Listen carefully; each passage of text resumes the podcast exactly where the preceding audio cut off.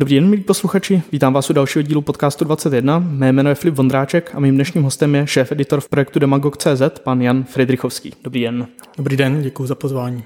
Pane Friedrichovský, mohl byste prosím pro posluchače, kteří vlastně neví, o co se jedná ten projekt Demagog, trochu popsat, protože přece jenom je to unikátní projekt tady v České republice.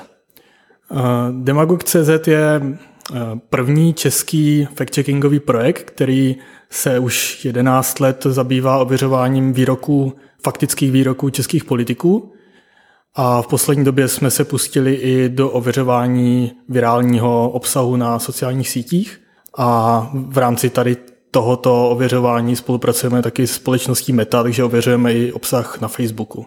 A ten projekt vlastně nevznikl tady v Česku, že? On je převzaný uh, ze Slovenska. Jak se to stalo, že vlastně ten slovenský projekt se takhle přesunul do Česka a jak jste se k němu potom dostal vy?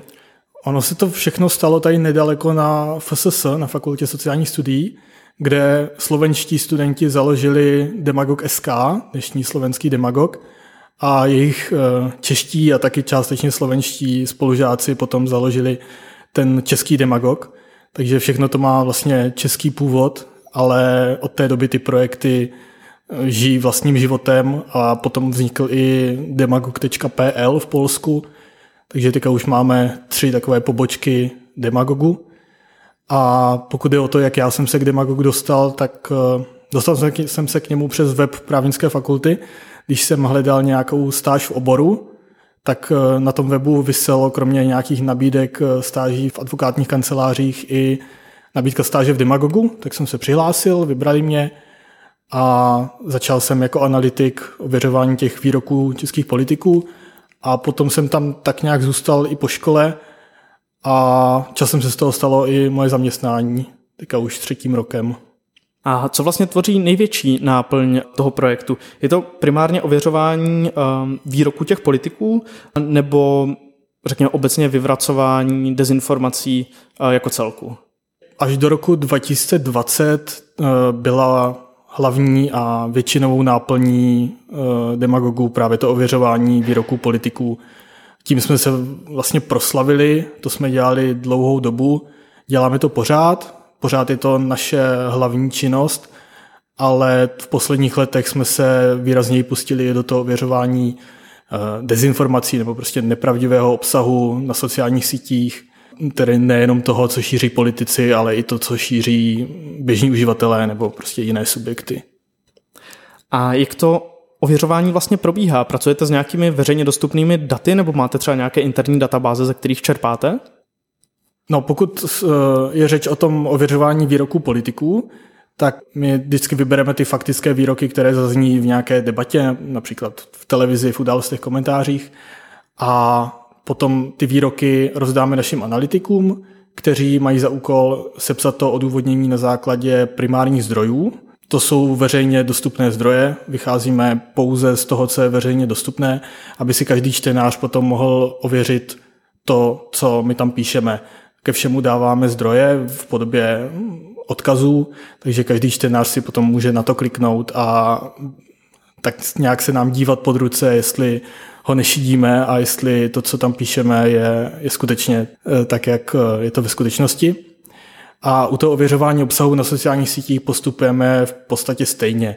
Jenom se nezavíra, nezabýváme faktickým tvrzením nějakého politika, ale faktickým tvrzením nějakého uživatele, jehož příspěvek z nějakých důvodů je, je virální a zároveň je nepravdivý nebo nějakým způsobem zavádějící. A podle čeho si vlastně vybíráte, co budete ověřovat? Protože přece jenom není kapacita ověřovat vše, tak je nějaký systém na výběr těch jednotlivých výroků? U těch politiků se snažíme jednak uh, reflektovat uh, rozložení politických sil v parlamentu nebo především v poslanecké sněmovně. Takže se snažíme ověřovat ze všechny zástupce, respektive zástupce všech politických stran na té parlamentní úrovni, plus prezidenta. Klademe větší důraz na vládní politiky, protože ti přece jenom mají větší moc a měli by být pod větší kontrolou. Snažíme se taky vybírat to, co je mm, v té veřejné debatě nějak eh, významné, nebo to zrovna rezonuje, je to důležité téma, které se řeší i jinde v médiích tohle je ten klíč pro vybírání těch, toho obsahu, který ověřujeme u, u politiků. U těch sociálních sítí je to složitější, protože tam nemáme žádnou poslaneckou sněmovnu, které bychom se mohli odpíchnout. Takže vybíráme to, co je, to, co je virální, zároveň to, co není uh, už na první pohled úplná blbost. Například um, neověřujeme takové ty profláklé konspirační teorie typu chemtrails. Raději si soustředíme na něco, co aspoň podle nás je víc relevantní pro tu veřejnou diskuzi.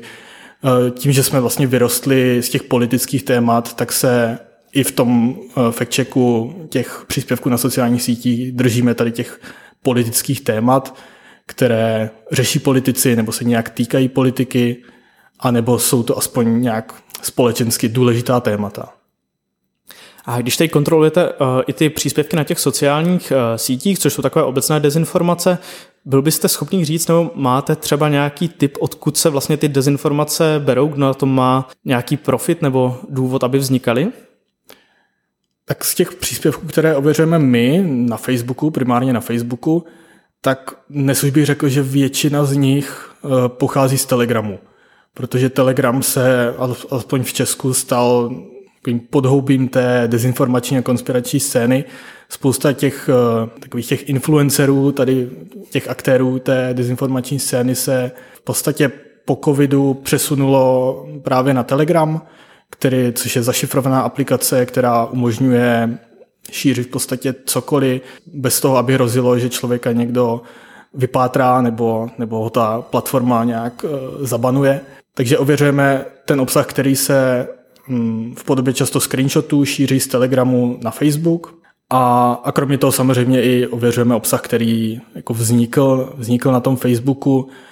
Často to jsou příspěvky úplně běžných uživatelů, kteří zatím předpokládám nemají žádný ekonomický nebo jiný profit, ale jednoduše nějakému tomu obsahu věří, mají potřebu o tom informovat dál, přečtou si něco, co je pro ně šokující, zajímavé a zároveň to nějak zapadá do jejich pohledu na svět, tak to bez toho, aby si to nějak eh, fact-checkovali, tak to pošlou dál, sdílí to dál a díky těm algoritmům sociálních sítí se to často dostane k desetitisícům až statisícům lidí.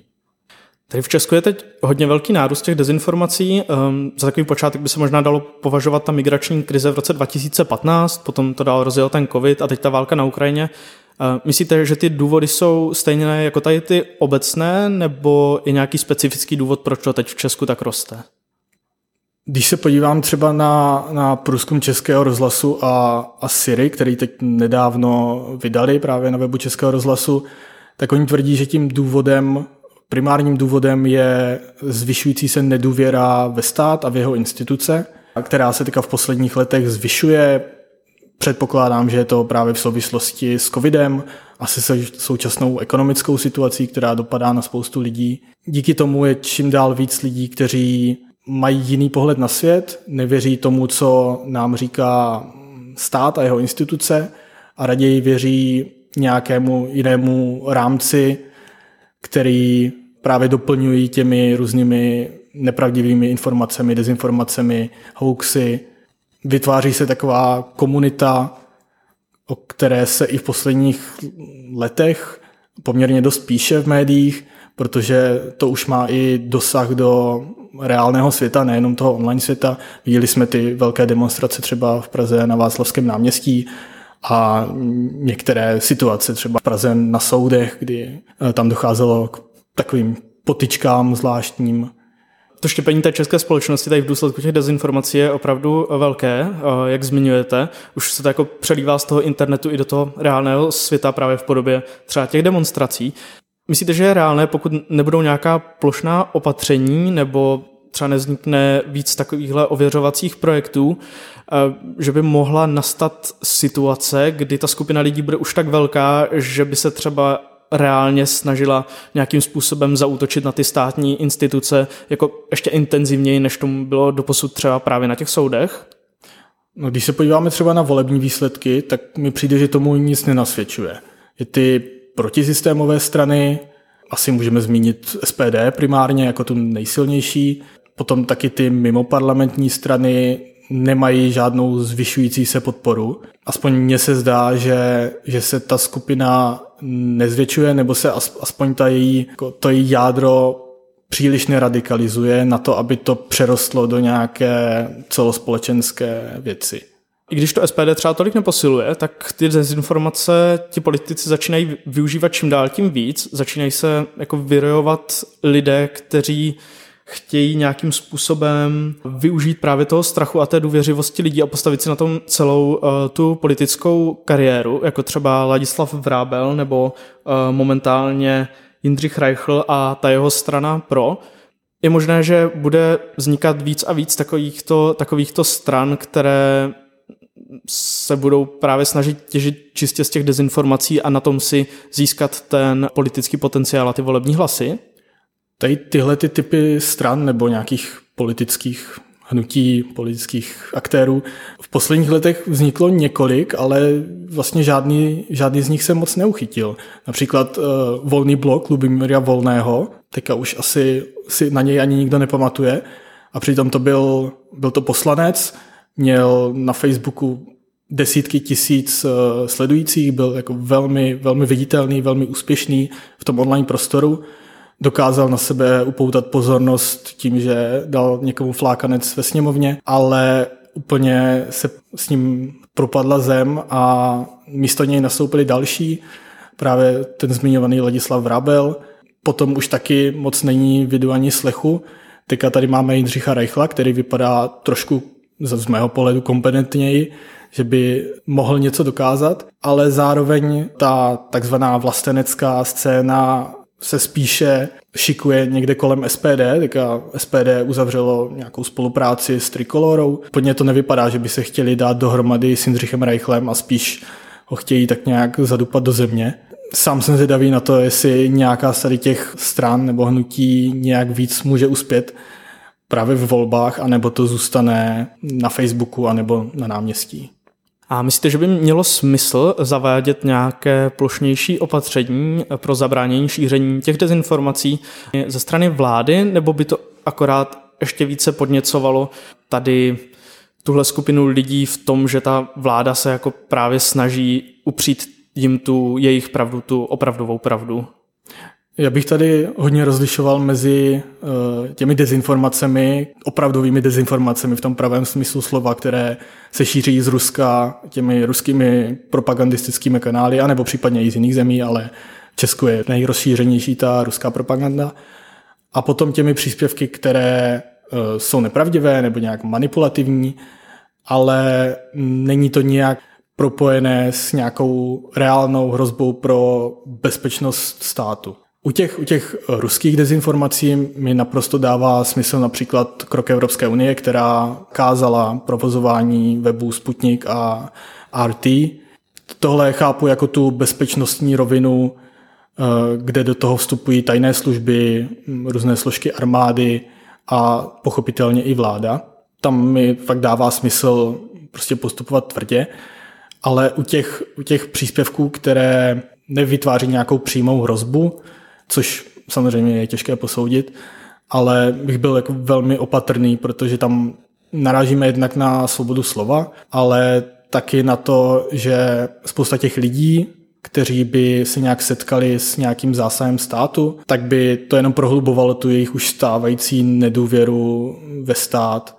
A podobně vlastně to funguje i na těch platformách typu Facebook, kde probíhá nějaká politika té mediace obsahu, moderace obsahu a taky mazání, eh, omezování účtů. A celé je to relativně dost netransparentní. A v těch lidech to jenom prohlubuje tu nedůvěru, tady ten systém. A spíše to vytlačuje někam na okraj do těch ještě více divokých platform typu Telegramu. Pokud se podíváme na budoucí vývoj eh, těch dezinformací nebo i těch nepravdivých zpráv, v kontextu eh, dnešní doby dochází k velkému rozvoji umělé inteligence, který by mohl dál napomáhat eh, šíření těch dezinformací a hlavně jejich zlepšování, že už pak bude opravdu těžké rozeznávat, kdy se jedná o nějakou fotomontáž. Myslíte si, že taky tohle bude mít vliv na vývoj a další stěžování, ověřování těch informací? Určitě to bude, budeme to mít my jako fact-checkeři, ale taky všichni lidé, co se pohybují v tom online prostoru, to budou mít daleko těžší. Protože dneska jsme pořád ještě v situaci, kde většina těch například uh, nějakých manipulativních fotomontáží je docela primitivních a pokud má člověk nějaké základní schopnosti například zpětného vyhledávání obrázků nebo nějak, nějaké rozvinutější kritické myšlení, tak nemá problém v tom s tímto odhalit. Ale v budoucnu už to odhalit jako lidským okem ani možná dostupnými technologiemi nepůjde a proto si myslím, že bude o to víc důležité mít nějaký ty základní schopnosti, například to kritické myšlení nebo nějakou mediální informační gramotnost. O to víc bude důležité se kromě toho obsahu, který se k nám nějak dostane dívat na to, na ten zdroj, na to, kdo nám to říká, jaká může být jeho motivace, takže se spíš budeme asi muset zaměřovat na ty, na ty aktéry, než, než na ten obsah. Takže tohle by vlastně ještě ve výsledku mohlo posílit roli těch výrazných osob té dezinformační scény, protože když ti lidé k ním budou takto zhlížet a nebudou, budou je považovat vlastně za ten jediný relevantní zdroj a nebudou schopni si to jinak ověřit a bude se ještě prohlubovat nějak víc ta nedůvěra k tomu státu, tak eh, to ještě tedy posílí takhle tu pozici těch osob té dezinformační scény. Za předpokladu, že že ti konzumenti tady toho obsahu považují například Jindřicha Reichla za nějakou důvěryhodnou postavu, postavu, ke které vzlíží, věří. Pak se dá asi předpokládat, že pokud by Jindřich Reichl sdílel nějaký eh, AI generovaný deepfake, takže si to nebudou ověřovat tak, jak by si to ověřovali třeba od někoho jiného. Ale asi je otázka, jestli tady ti, ti lidé, kteří tak nějak už propadli tady těm konspiracím různým, jestli se vůbec tady tím zabývají nějakým kritickým pohledem na, na ten zdroj těch informací, to nevím. A měl byste nějaké doporučení tak pro všechny, jak ty informace ověřovat a jak správně, řekněme, kriticky myslet při přijímání tady těch informací, protože lidé dnes už přijímají takové množství informací, které je větší, než jsou schopni uh, zpracovat a je tedy těžké nějak zkontrolovat a kriticky se zamyslet nad všemi. Když tak uh, pozoruju ty, ty různé nepravdivé příspěvky, které se šíří po Facebooku nebo i jinde, tak bych řekl, že takový uh, zlatý pravidlo je, když si přečtu tu, tu informaci, ten, nějaké to tvrzení a přijde mi jako velmi senzační, nějak úplně zlomové, že jako tohle bych teda nečekal a úplně mě to udiví, tak velmi často to není pravda, nebo je to nějakým způsobem manipulativní. Takže vždycky je dobrý, když eh, si přečtu někde na sociálních sítích něco úplně neskutečného, tak tomu raději na první dobrou nevěřit a počkat si, jestli se to někde potvrdí, třeba nějakých důvěryhodných zdrojů nebo z médií, a nebo si to ověřit sám, pokud to člověk umí.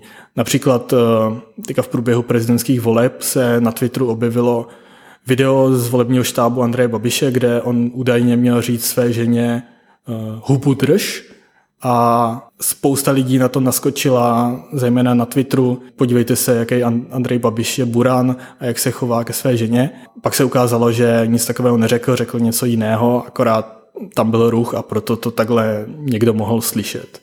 Takže vždycky je dobrý se nejdříve zastavit a rozmyslet se, jestli to náhodou není až příliš zajímavé na to, aby to mohla být pravda. A měl byste ještě třeba případně nějaký tip, jak chránit ty nejzranitelnější skupiny, jako třeba seniory, když má někdo v okolí třeba rodiče, kteří už, už propadli dezinformacím, nebo právě třeba babičku uh, s dědečkem a šíří se jim to i těmi řetězovými e-maily a tak dále? Na to asi bohužel žádný, žádný řešení nemám. Spousta lidí doporučuje uh, s těmi lidmi o tom mluvit, nestavit do pozice, že jsou hlupáci, že něčemu naletěli, ale spíš se, spíš se jich ptát mm, na to, odkud, odkud mají tu informaci, kdo jim to poslal a proč tomu věří, ale asi to není, není úplně samospásné řešení. Mám tady teda poslední otázku na závěr. Má projekt Demagog nějaké další teď cíle nebo případně projekty do budoucna, kterými by se chtěl zabývat, nebo něco, co máte rozpracované?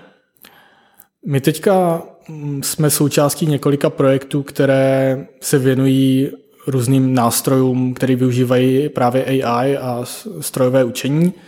A cílem je si ulehčit práci tím, že si necháme vyvinout nějaké nástroje, které nám umožní rychleji identifikovat nějaký faktický obsah, rychleji dohledávat zdroje a případně i navrhnout nějakou, nějaký základ toho, toho našeho textu, který by potom samozřejmě ještě museli kontrolovat živí lidé.